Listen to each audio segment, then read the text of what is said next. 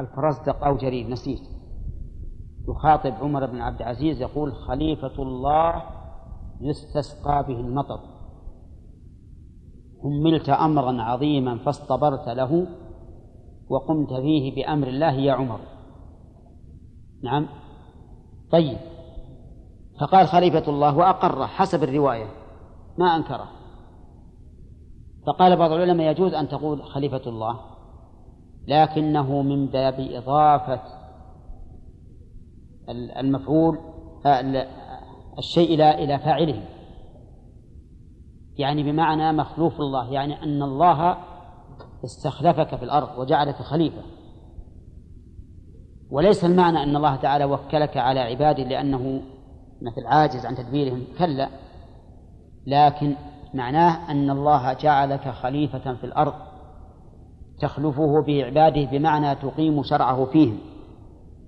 وقد قال الله تعالى لداود يا داود إنا جعلناك خليفة في الأرض فاحكم. بين الناس. جعلناك خليفة في الأرض فاحكم. وقال بعض العلماء لا يجوز لأن خليفة الإنسان لا تكون إلا عن غيبته عن غيبة الإنسان المخلف. ولهذا قال موسى لهارون أخلفني في قوم. لأنه عليه الصلاة والسلام غاب غاب لميقات ربه ولكن الصحيح الأول وأنه يجوز أن نقول خليفة الله خليفة الله لأن الله استخلفه في عباده ليقوم بعدله. ولا يعني ذلك أن الله تعالى ليس بحاضر الله عز وجل فوق عرشه ويعلم كل شيء. وفرق بين استخلاف موسى لهارون وبين استخلاف الله تعالى هذا الخليفة في الأرض.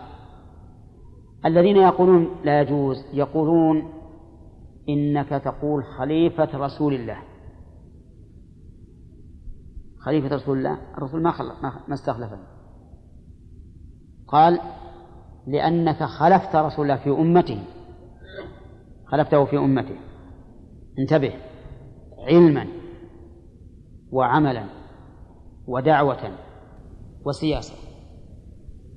يعني أن الخليفة يجب أن يكون خالفا لرسول الله صلى الله عليه وسلم في هذه الأمور الأربعة. ما هي؟ العلم والعمل والدعوة والسياسة. شوف مسؤولية الخليفة ما هي هينة؟ علما بمعنى أن يكون عالما بالشريعة. بمعنى أن يكون عالما بالشريعة. ولهذا كان الخلفاء في عهد السلف الصالح كان الخلفاء هم العلماء. نعم.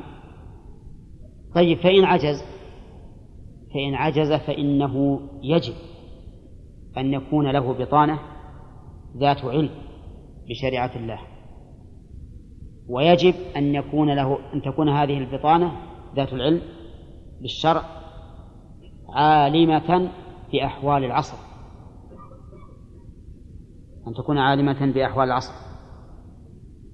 ثالثا أن تكون أن يكون لها قدرة على تطبيق الحوادث العصرية على الأصول الشرعية عرفتم؟ يكون عندها قدرة على تطبيق الحوادث العصرية على القواعد أو على الأصول الشرعية ليش؟ لأن بعض الناس عالم لكن ما يعلم أحوال الناس ومتطلبات العصر فتجده يريد أن يفرض ما يعلمه دون النظر إلى الواقع. وهذا خطأ. بل الواجب على العالم أن يكون مع علمه مربيا بمعنى أنه ينظر إلى الواقع ليطبقه على إيش؟ الأصول الشرعية. ولسنا نقول ينظر إلى الواقع ليلوي أعناق الأصول الشرعية إليه بل ليحمل الواقع على إيش؟ الأصول الشرعية. والحمد لله الدين الإسلامي أقول لكم لا يمكن تحدث أي حادثة إلى يوم القيامة إلا وفيها حل في الدين الإسلامي. علمه من علمه وجهله من جهله. لكن الذي يفوتنا إما القصور وإما التقصير. إما القصور أو التقصير. أما أن توجد حادثة إلى يوم القيامة لا يوجد لها حل في الشريعة هذا مستحيل. لأن الله جعل هذا الدين باقيا إلى متى؟ إلى قيام الساعة فلا بد أن يكون فيه حلول لمشاكل العالم وإلا ما صح أن يكون دينا إلى يوم القيامة أو شريعة. طيب أن يخلف النبي صلى الله عليه وسلم في العمل. في العمل. بأن يكون قدوة صالحة في عمله عباداته ومعاملاته وأخلاقه وسلوكه. لأن ليكون ليكون أسوة لأنه هو اسمه خليفة وإمام. خليفة لمن سبقه وإمام لمن لحقه. شفت كيف؟ إذا نسميه خليفة ونسميه إمام. باعتبارين ولا باعتبار واحد؟ باعتبارين. لا باعتبارين. خليفة لمن سبقه وإمام لمن لحقه يعني اللي في عصره ومن بعده إمام له. واللي قبله هو خليفة. إذن لا بد أن يكون إماما في العمل. لا بد أن يكون إماما في العمل بأن يكون متسيا بقدر ما يستطيع في رسول الله صلى الله عليه وسلم. الثالث أن يكون إماما في الدعوة. الدعوة إيش؟ الدعوة إلى الإسلام. فيكاتب زعماء الكفرة. يكاتبهم يدعوهم إلى الإسلام. كما كان النبي صلى الله عليه وسلم يكاتبهم يدعوهم إلى الإسلام. ولا لا؟ ما أعلم جهد أيمانهم لئن أمرتهم لا يخرجن. قل لا تقسم. طاعة معروفة. والإقسام فيه إلزام كالنذر نعم. طيب. الإقسام إلزام ما أقسموا بالله إلا يلزموا أنفسهم. قل لا تقسموا. قل لا تقسموا. طاعة معروفة. طيب. ها؟ هو هو نهي لا شك. لكن لكن وجوب الوفاء بالنذر يمنع القول بالتحريم في الواقع للعلة التي أشرنا إليها آنفا. طيب استثنى المؤلف من وجوب الوفاء بنذر الطاعة. فإن لك على ربك ما استثنيت. فالإنسان على ربه ما استثنى معينا إذا نوى إذا اشترط. هذه ثلاثة. أما إذا أطلق قال شهرا فهو ما يلزم التشابه حتى لو بدأ. ما عنده نية.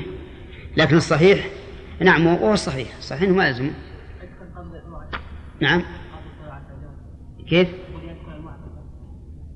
معتكف؟ لا إذا نذر الاعتكاف. إيه؟ يدخل قبل طلوع الفجر. لا إذا نذر الاعتكاف إن كان أيام يدخل قبل طلوع الفجر. إن كان الليالي قبل غروب الشمس. طيب. نعم. أي لا لا. قلنا كلام المؤلف لا يلزمه. نعم. بس ها؟ لا عند ومن نظر صوم شهر لزمه التتابع مكتوب؟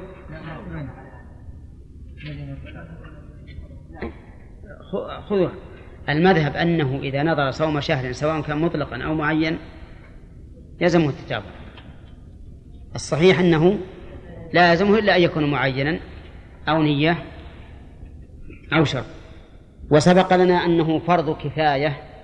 إذا قام به من يكفي سقط عن الباقي. هذا بالنسبة لنصبه لكن بالنسبة لمن وجه إليه الطلب فرض عين إذا لم يشغله عما هو أهم منه. مفهوم؟ طيب. وسبق أن الموجه إليه الخطاب في ذلك هو الإمام. وقلنا إن الإمام هو الخليفة الذي خلف النبي صلى الله عليه وسلم في أمته في أمور أربعة في العلم والعمل والدعوة والسياسة. نعم. و استأذنا منكم أن نبسط القول في هذا ولا أدري هل أنتم أذنتم أم لا. أذنتم؟ طيب. ها؟ طيب. في العلم بأن يكون لديه علما شرعيا يتمكن به من القيام بمهماته قلنا فإذا لم يمكن نعم فلينصب بطانة عندها علم بالشرع وعلم بالواقع والثالث وبعد إيش؟ وبعد نظر يمكنها أن تطبق الواقع على الأصول الشرعية واضح؟ لأن العلم لا يكفي. كثير من الناس عندهم علم بالعلوم الشرعية لكن ليس عندهم علم بالواقع فيحصل في نظرهم تصادم بين الواقع والشرع. ومن المعلوم أن المؤمن إذا حصل عنده تصادم بين العلم والواقع بين الشرع والواقع سيقدم الشرع. لكن لو كان عند رجل له سعة أفق لوجد أن الواقع لا يخالف الشرع واضح؟ طيب وسبق أيضا أنه يخلف النبي صلى الله عليه وسلم بالعمل بحيث يكون قدوة صالحة في دينه ومعاملته وأخلاقه وآدابه ووقاره وجميع أحواله لأن الناس على دين أئمتهم ولهذا تجد المدرسة إذا كان مديرها مستقيما صار الغالب على أساتذتها وعمالها وطلابها الاستقامة والعكس بالعكس. والاستقامة الشخصية دعوة في الواقع دعوة إلى الخير وإلى الحق. بل قد تكون الاستقامة الشخصية أقوى تأثيرا من القول. فإننا نجد كثيرا من الناس يقول بلسان طليق فصيح مبين ولكن لا يتخذ أسوة لأن لأن فعله يخالف قوله. لكن إذا علم الناس أن هذا الرجل يقول عن صدق وأن باطنه كظاهره صار أسوة للناس وإماما. طيب الثالث الدعوة وقلنا إن هذه الدعوة تتضمن عدة أمور. أولا الاتصال بزعماء الكفر عن طريق الكتابة أو المشافهة أو الرسول يدعوهم إلى دين الله عز وجل. يعني لا لا تبرأ الذمة بالنسبة لولاة أمور المسلمين لا تبرأ ذمتهم إذا سكتوا بل لا بد أن يدعو رؤساء الكفر إلى دين الله عز وجل. اقتداء بمن؟ برسول الله صلى الله عليه وسلم. فإنه كاتب الملوك والزعماء والأمراء في عهده. كتب إلى المقوس في مصر وإلى هرقل في الشام وإلى كسرى في في العراق وإلى غيرهم. وهكذا وهذا من وظائف الإمام. فإن لم يباشره بنفسه فليجعل من يباشره وينوب عنه بأن يكون لجنة من أهل العلم يتولون هذا الأمر ويكون لديهم العلم بالشرع والواقع وسعة الأفق وحسن الأسلوب وعرض الدين الإسلامي على الوجه الأكمل الذي يجعل القلوب تميل إليه كما أنه دين الفطرة. كذلك أيضا من ما يتصل بالدعوة حماية الإسلام حماية الإسلام بالدفاع عنه بكل ما يستطيع. أولا الحماية بمنع ما ينقص الإسلام أو ينقض الإسلام. منع ما ينقص الإسلام أو ينقضه. هذا واحد. وذلك بمنع الحرب. التي تقام بين حين وآخر. إن صح أن أقول بين حين وآخر لأن الصواب أن الحرب قائمة بين الإسلام والكفر منذ بدأ الإسلام. أليس كذلك؟ طيب. الحرب الذي حورب به الإسلام ينقسم إلى قسمين. حرب مادي بالسلاح والعتاد. وهذا لا أعتقد أن أحدا من المسلمين يتقاعس عنه. بل لو رأوا العدو يأتي الأرض ينقصها من أطرافها فقاموا إليه وعرفوا عداوته.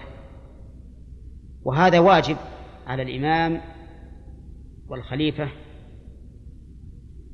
أن يكون جيشا قادرا على دفاع العدو بقدر المستطاع. لقوله تعالى وأعدوا لهم ما استطعتم من قوة. هناك حرب بسلاح أخفى وأنكى وأشد وهو الحرب في الفكر والعقيدة والأخلاق. في الفكر يغزون المسلمين بأفكار هدامة يأخذونها إما من ملحدين وإما من منافقين.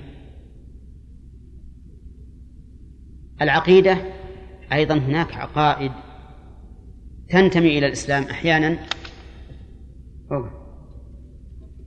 أخذ إن شاء الله بينتهي الموضوع.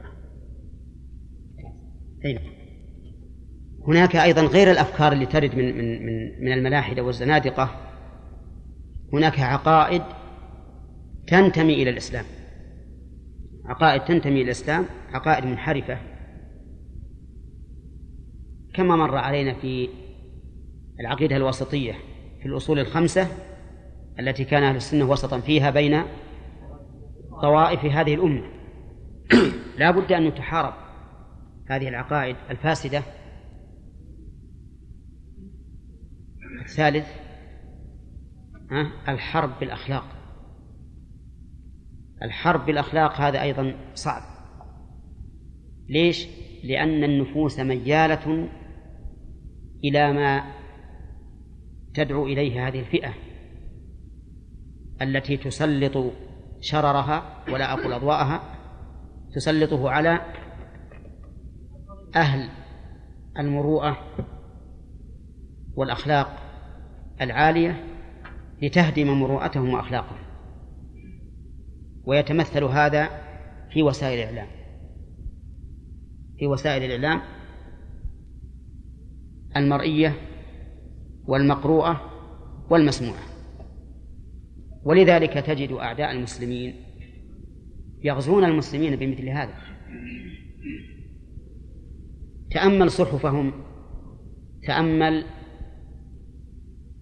إذاعاتهم وتأمل أيضا ما ينشرونه من بين المسلمين من المجلات ذوات الأزياء التي فيها أزياء لا أقول إنها جديدة على أزيائنا واستعمالها مخالف لعاداتنا ولكني أقول إنها أحيانا تخالف اللباس الشرعي تخالف اللباس الشرعي. فيجب أن يحمى الإسلام من هذه الأشياء. هناك أيضا شيء ثالث أو رابع في الأصح يغزون المسلمين به وهو الاكتساب. الاكتساب بحيث يغرون الناس على الميسر والربا وغير ذلك بطرق كثيرة. فواجب فيدخل في حماية الدين الإسلامي أن نبين تجاه هذا الحرب الثاني الذي هو حرب الأشياء الثلاثة وهي الفكر والعقيدة والأخلاق والمعاملات إذا شئنا.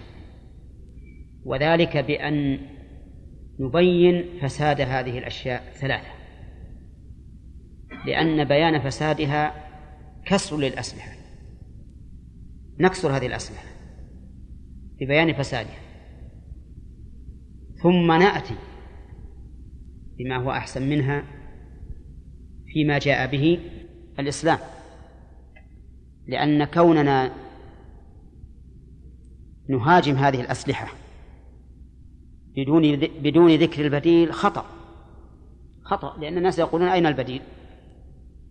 ولهذا جاء في القرآن الكريم والسنة النبوية ما يرشد إلى هذه الطريق وهي أنك إذا أبطلت منكرا فاذكر ما يحل محله من المعروف. قال الله تعالى يا أيها الذين آمنوا لا تقولوا راعنا هذا منكر. فيه بديل ها؟ وقولوا انظرنا واسمعوا. وقال النبي صلى الله عليه وسلم لمن جاءه بالتمر الجيد الذي كان يأخذ الصاع منه بالصاعين والصاعين بالثلاثة قال لا تفعل عين الربا. رده. ثم أرشده. قال بعت التمر الجنيب الردي آه نعم بيع الجمع بيع الجمع التمر الردي بالدراهم ثم اشتري بالدراهم جنيبا. يعني تمرا طيبا. يعني تمرا طيبا. فهكذا ينبغي للداعية إذا سد على الناس باب الشر أن يفتح بدله من أبواب الخير حتى لا يقع الناس في حيرة. طيب. ذكرنا الآن المكاتبة أو دعوة رؤساء الكفر الإسلام. ثاني حماية الإسلام بصد هجوم الأعداء المادي أو أنشينا قلنا الحسي والمعنوي. كذلك أيضا مما يتصل بالدعوة الأمر بالمعروف والنهي عن المنكر. بأن يأمر بالمعروف وينهى عن المنكر. هذا من وظيفة الإمام. والمعروف كل ما أمر به الشرع والمنكر كل ما نهى عنه الشرع. هذا الضابط. وسمي الأول معروفا لأن الشرع عرفه وأقره والثاني منكرا لأن الشرع أنكره. يأمر بالمعروف وينهى عن المنكر. فإن لم يقم بذلك بنفسه وكله إلى من به الكفاية. وكله من بين إلى من به الكفاية يكون نائبا عنه في ذلك. ولا بد ولا يمكن أبدا أن تقوم الأمة الإسلامية. أو تتحد إلا بالأمر بالمعروف والنهي عن عن المنكر. قال الله تعالى كنتم خير أمة أخرجت للناس تأمرون بالمعروف وتنهون عن المنكر وتؤمنون بالله. وقال ولتكن منكم أمة يدعون إلى الخير ويأمرون بالمعروف وينهون عن المنكر وأولئك هم المفلحون ولا تكونوا كالذين تفرقوا واختلفوا من بعد ما جاءهم البينات. فأشار بقوله ولا تكونوا كالذين تفرقوا بعد أن قوله ولتكن منكم أمة إلى أنه إذا لم يكن ذلك تفرق الناس. وهذا واضح. إذا لم يكن أمر بالمعروف ونهي عن المنكر كل واحد سلك سبيلا وحينئذ تتفرق الأمة ولا يجمع الأمة إلا شريعة ربها عز وجل. وذلك لا يكون إلا بالأمر بالمعروف والنهي عن المنكر. ولا بد أن تكون الأمة أو أو الطائفة التي يقيمها الإمام للأمر بالمعروف والنهي عن المنكر لا بد أن يكون لها علم بأن هذا معروف وهذا منكر. وكيف تعلم ذلك؟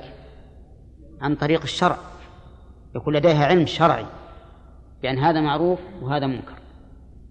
ثانيا أن يكون لديها علم بأن هذا الرجل ارتكب الم... ترك المعروف أو فعل المنكر. لا بد من هذا. فإن لم تعلم فإنه لا يجوز أن تنكر. لا أمرا ولا نهيا. لو أن لو أنك رأيت رجلا معه امرأة يمشي في السوق معه امرأة ومسكتك الله يا شيء ما تخاف الله؟ تمشي مع الحريم بالسوق؟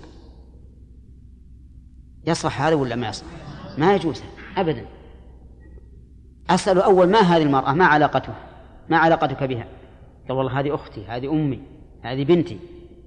أكف وأنتهي اللهم إلا أن يكون هناك قرائن قوية تخالف ما ادعاه فهذا شيء آخر.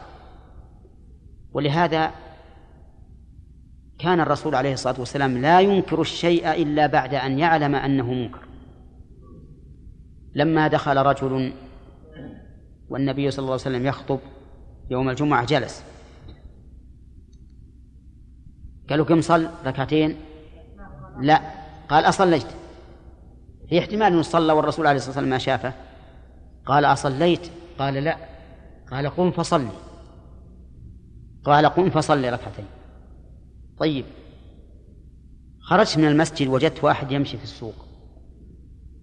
تقول تعال. ما تخاف الله؟ الناس يصلون بالمسجد وأنت تمشي بالأسواق؟ صح. خطأ؟ وش أقول؟ أقول صليت يا أخي. إذا قال لا والله ما صليت تو من الشغل أقول يا أخي ترى الصلاة مهمة وأنصح بلطف. نعم. طيب لابد أن يكون عند الآمر بالمعروف والناهي عن المنكر حكمة. حكمة؟ بأن يدفع الأشر بالشر والشر بالخير. صحيح يا أخي. سبحان الله. بأن يدفع الأشر بالشر والشر بالخير. صحيح؟ صحيح. لأن دفع الأشر بالشر أهون يعني ارتكاب أدنى المفسدتين ها لدفع أعلاهما. هذه قاعدة عند عند أهل العلم. يعني مثلا لو أنه رأى رجلا على منكر ونهاه عن هذا المنكر وقال طيب أنا أتركه ولكن أروح آخذ أشد منه. رآه يشرب الدخان قال يا أخي ليش تشرب الدخان؟ هذا حرام عليك. قال طيب الله يعافيك. خلى الزكارة تقعد هنا. يا ولد عندك كاسة خمرة؟ وراح وشرب خمر. لكن لو خليته يشرب الدخان أيهن أفضل؟ طبعا الدخان أفضل. فإذا علمت أي نعم إذا علمت أنني إذا نهيته عن الدخان راح يشرب الخمر ما هو صحيح أني أنهى عن الدخان. أخليه يشرب الدخان ويريق ولا منه انتهى. قلنا له ترى هذا يا أخي حرام ولا يجوز. ولعل الله يهديه. ولهذا يذكر أن شيخ الإسلام ابن تيمية لما دخل التتار الشام مر هو وصاحب له بقوم يشربون الخمر من التتار ولم ينههم شيخ الإسلام. فقال له صاحبه في ذلك قال لو نهيناهم عن هذا تركوا الخمر وراحوا يهتكون أعراض المسلمين. لأن هنا قوم مفسدون خلوهم يلهون بخمرهم اللي شروا عليهم ولا يتعدى. شوف كيف الحكمة. وهذه يعني استعمال عن استعمال الحكمة أمر ضروري للإنسان الآمر بالمعروف والنهي عن المنكر. أما استعمال الرفق فهو أيضا كمال للآمر بالمعروف والنهي عن المنكر. وتعلمون أن أو يعلم بعضكم أن رجلا يهوديا مر على النبي صلى الله عليه وسلم وعنده عائشة. قال السام عليك يا محمد. السام عليك يا محمد. قالت عائشة غيرة لله ورسوله. عليك السام واللعنة. نعم. حمل وعدولته نعم. السام واللعنة جميعا.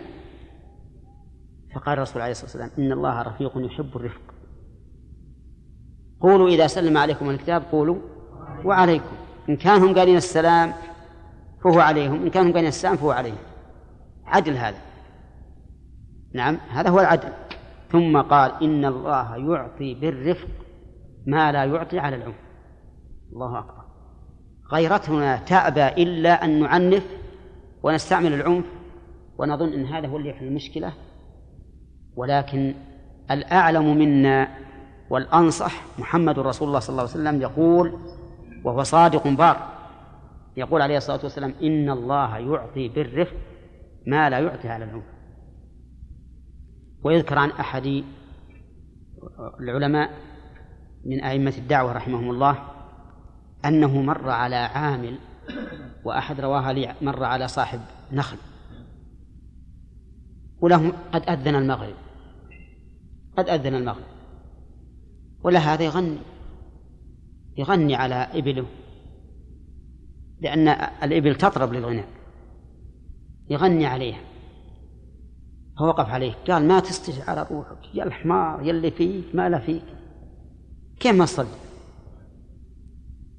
هذاك مسكين غضب قال له الحمار أنت؟ ولا مصلي.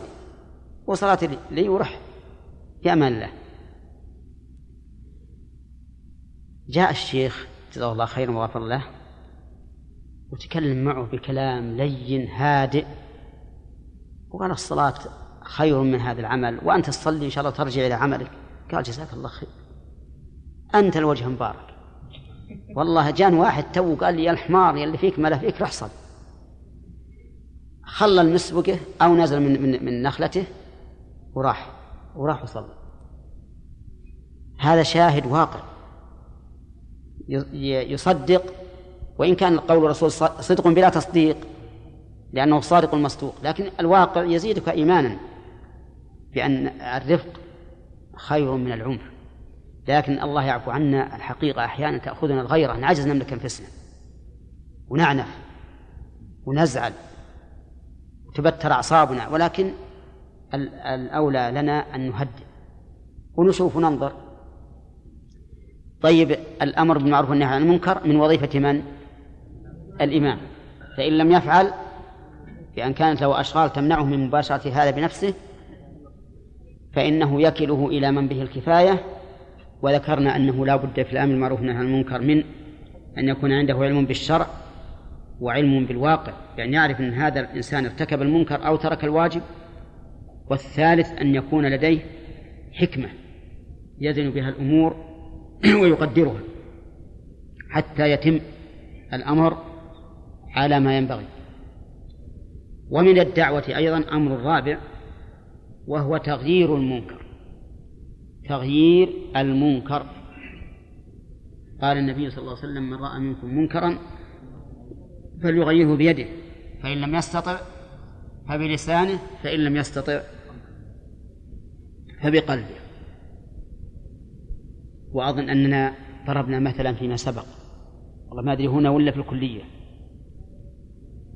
مثال ذلك رجل مر بصاحب عود يضرب به. تعرفون العود؟ استعملتوه؟ طيب.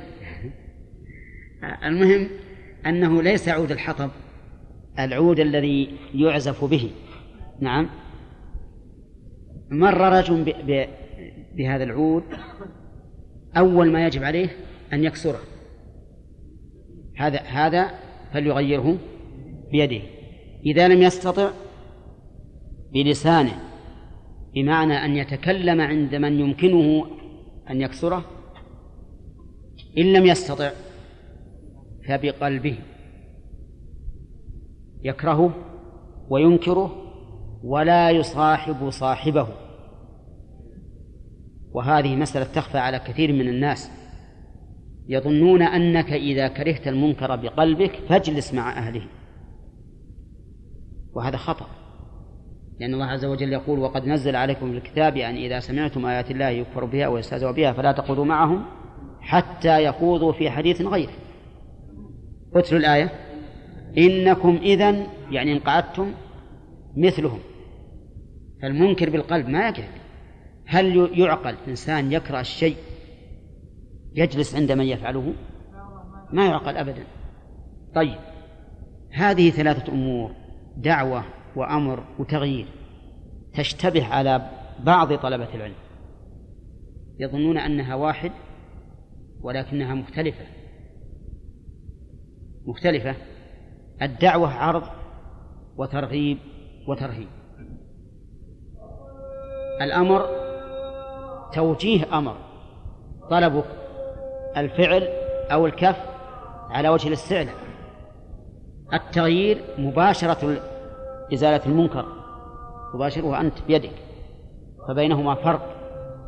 يجب على طالب العلم أن يعرفه حتى لا تختلط عليه الأشياء. الله أكبر كالحضانة بالنسبة للطفل. فعلى الإمام أن يكون قائما بالسياسة. وهي أي السياسة سلوك كل ما يصلح به الخلق. سلوك كل ما يصلح به الخلق. وهي إما داخلية وإما خارجية. أما الداخلية فأن يسوس رعاية أن يسوس رعيته بالعدل واجتناب الجور والعمل بالقرائن والبينات وغير ذلك. المهم أن يسوس رعيته بالعدل. فمثلا لا يفرق بين القريب والبعيد والغني والفقير والشريف والوضيع وما أشبه ذلك. إلا إذا اقتضت المصلحة إذا اقتضت المصلحة أن يعفو مثلا عن رجل له شرف وجاه وأن وأن يقيم وهذا في غير الحدود. وأن يقيم التعزير على آخر مجرم يعتدي على الناس دائما ولا ينفع فيه أن يمن عليه بالعفو. ولهذا قال الله تعالى فمن عفا وأصلح فأجره على الله. والسياسة انقسم الخلفاء فيها إلى ثلاثة أقسام. قسم أخذ بسياسة الجور بسياسة الجور وكان كلما طرأ على نفسه أن هذا مما يصلح الناس عمل به ولو خالف الشرع.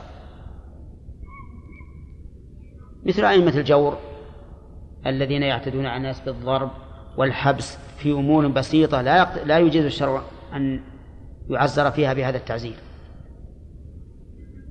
وقسم آخر أهملوا السياسة نهائيا ولم يعملوا بقرائن الأحوال ولا عملوا بالمصالح العامة التي راعها الشرع.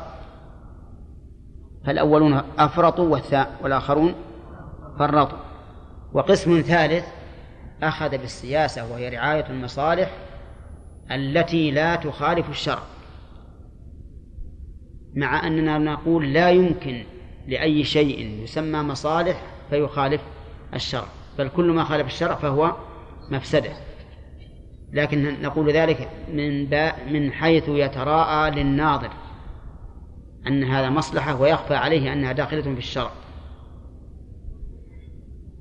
فالسياسة الداخلية يجب على على الإمام أو الخليفة أن ينظر فيها ما هو ما هو ما فيه المصلحة أن ينظر إلى ما فيه المصلحة فيتبعه. وما فيه المصلحة لا يمكن أن يخالف الشرع. لكن قد يتراءى للإنسان أن هذا مصلحة ومخالف للشرع وهو في الواقع ليس بمصلحة. أما السياسة الخارجية فهي معاملة غير المسلمين. معاملة غير المسلمين معاملة غير المسلمين له مع له معهم طرق. عهد وأمان وذمة وحرب.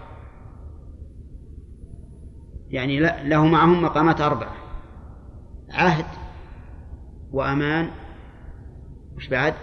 وذمة وحرب. أما الحربيون فأمرهم ظاهر. يجب عليه أن يقاتلهم حتى يكون الدين لله بأن يسلموا أو يعطوا الجزية عن يد وهم صاغرون. ولا فرق في ذلك على القول الراجح. بين أهل الكتاب وغيرهم. فأما قوله تعالى قاتلوا الذين يا أيها قاتلوا الذين لا يؤمنون بالله ولا باليوم الآخر ولا يحرمون ما حرم الله ورسوله ولا يدينون دين الحق من الذين أوتوا الكتاب حتى يعطوا الجزية عن يد وهم صاغرون. فإن هذا لا يمنع أن يتعدى الحكم إلى غيرهم لا سيما أنه قد ثبت في صحيح البخاري أن النبي صلى الله عليه وسلم أخذ الجزية من مجوس هجر. وثبت في صحيح مسلم أن الرسول صلى الله عليه وسلم كان إذا أمر أميرا على جيش أو سرية أوصاه لمن معه من المسلمين خيرا. وذكر الحديث وفيه أنه إذا لقي عدوه دعاه إلى الإسلام فإن أبى أخذ منه الجزية فإن أبى قاتله. وهذا عام. بل قال إذا لقيت عدوك من المشركين. وهذا هو الصحيح أن الجزية تؤخذ من من كل كافر. تؤخذ من كل كافر. طيب هؤلاء الحربيون صار الحربيون ما لنا فيهم إلا حالان إيش؟ القتال أو الاستسلام للجزية. إلا إذا أسلم ثانيا المعاهدون. المعاهدون الذين نعقد بيننا وبينهم عهدا أن لا يعتدوا علينا ولا نعتدي عليهم وأن لا يعينوا علينا ولا نعين عليهم. وهؤلاء لا يخلو أمرهم من ثلاث حالات. إذا عاهدناهم لا يخلو أمرهم من ثلاث حالات. إما أن يستقيموا على العهد وينفذوه تماما. وفي هذه الحال يجب علينا أن نستقيم لهم لقوله تعالى إلا الذين عاهدتم عند المسجد الحرام فما استقاموا لكم فاستقيموا لهم. إن الله يحب المتقين. والوفاء بعهدهم لا شك أنه من محاسن الإسلام. الحالة الثانية أن يخونوا وينقضوا العهد وفي هذه الحال يكونون حربيين. يكونون حربيين يعني ينتقض عهدهم. ودليل ذلك ما جرى لقريش حين عاهدهم النبي صلى الله عليه وسلم في الحديبية ومن جملة شروط العهد أن لا يعينوا عليه على حلفاء أحد. أن لا يعينوا حلفاءهم على حلفائه. فنقضوا العهد بأن عانوا حلفاءهم على حلفاء النبي صلى الله عليه وسلم. الحال الثالثة أن لا ينقضوا العهد ولكننا لا نأمنه نخاف منهم نقض العهد. فهؤلاء نعاملهم معاملة وسطا بأن ننبذ إليهم عهدهم. فنقول ليس بيننا وبينكم عهد والعهد الذي بيننا وبينكم مفسوخ منبوذ. دليل ذلك قوله تعالى وإما تخافن من قوم خيانة فانبذ إليهم على سواء إن الله يحب الخائنين. إيه استغفر الله. إن الله لا يحب الخائنين. إن الله لا يحب الخائنين. هذه حالنا ب... هذه هذه أحوال من؟ المعاهدين. ثلاث حالات. أهل الذمة هم الذين عقدنا لهم الذمة التي تتضمن حمايتهم وإعطاءهم حقوقهم الشرعية على أن يبذلوا لنا الجزية. الجزية يعني شيء يجعله الإمام على كل واحد منهم وتفصيلها معروف في كتب الفقه. هؤلاء يجب علينا نحوهم أن نعطيهم كل الحق الذي يقتضيه عقد الجزية أو عقد الذمة على الأصح. الثالث أو الرابع؟ الرابع المستأمنون الذين طلبوا الأمان على أنفسهم وأموالهم لمدة معينة. هؤلاء دون المعاهدين ودون أهل الذمة وفوق الحربيين. ولهذا يصح الأمان حتى من غير الإمام. حتى من غير الإمام. لقول النبي عليه الصلاة والسلام قد أجرنا من أجرت يا أم هاني. يمكن لأي واحد من الناس يدخل أحدا من الكفار إلى بلاد الإسلام بأمان. وما دام مستأمنا ما دام مؤمنا له فإنه لا يجوز لأحد أن يعتدي عليه. دليل هذا قوله تعالى وإن أحد من المشركين استجارك فأجله حتى يسمع كلام الله ثم أبلغه مأمنه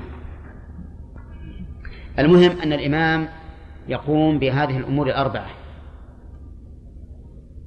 العلم والعمل والدعوة والسياسة. وذكرتم ما الذي يتفرع على الدعوة.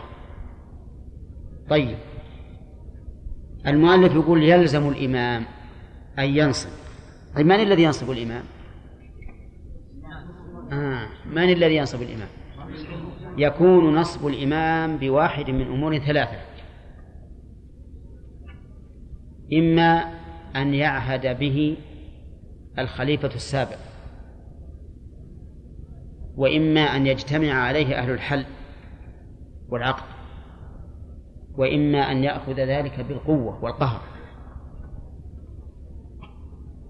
مثال الأول عهد أبي بكر رضي الله عنه إلى عمر نعم بالخلافة. عرفتم؟ إذا ثبتت خلافة عمر بعهد أبي بكر ولكن يجي الشيطان الذي يقول للإنسان من خلق الله؟ يقول من خلف أبا بكر؟ ها؟ من خلف أبا بكر؟ آه. هذه المسألة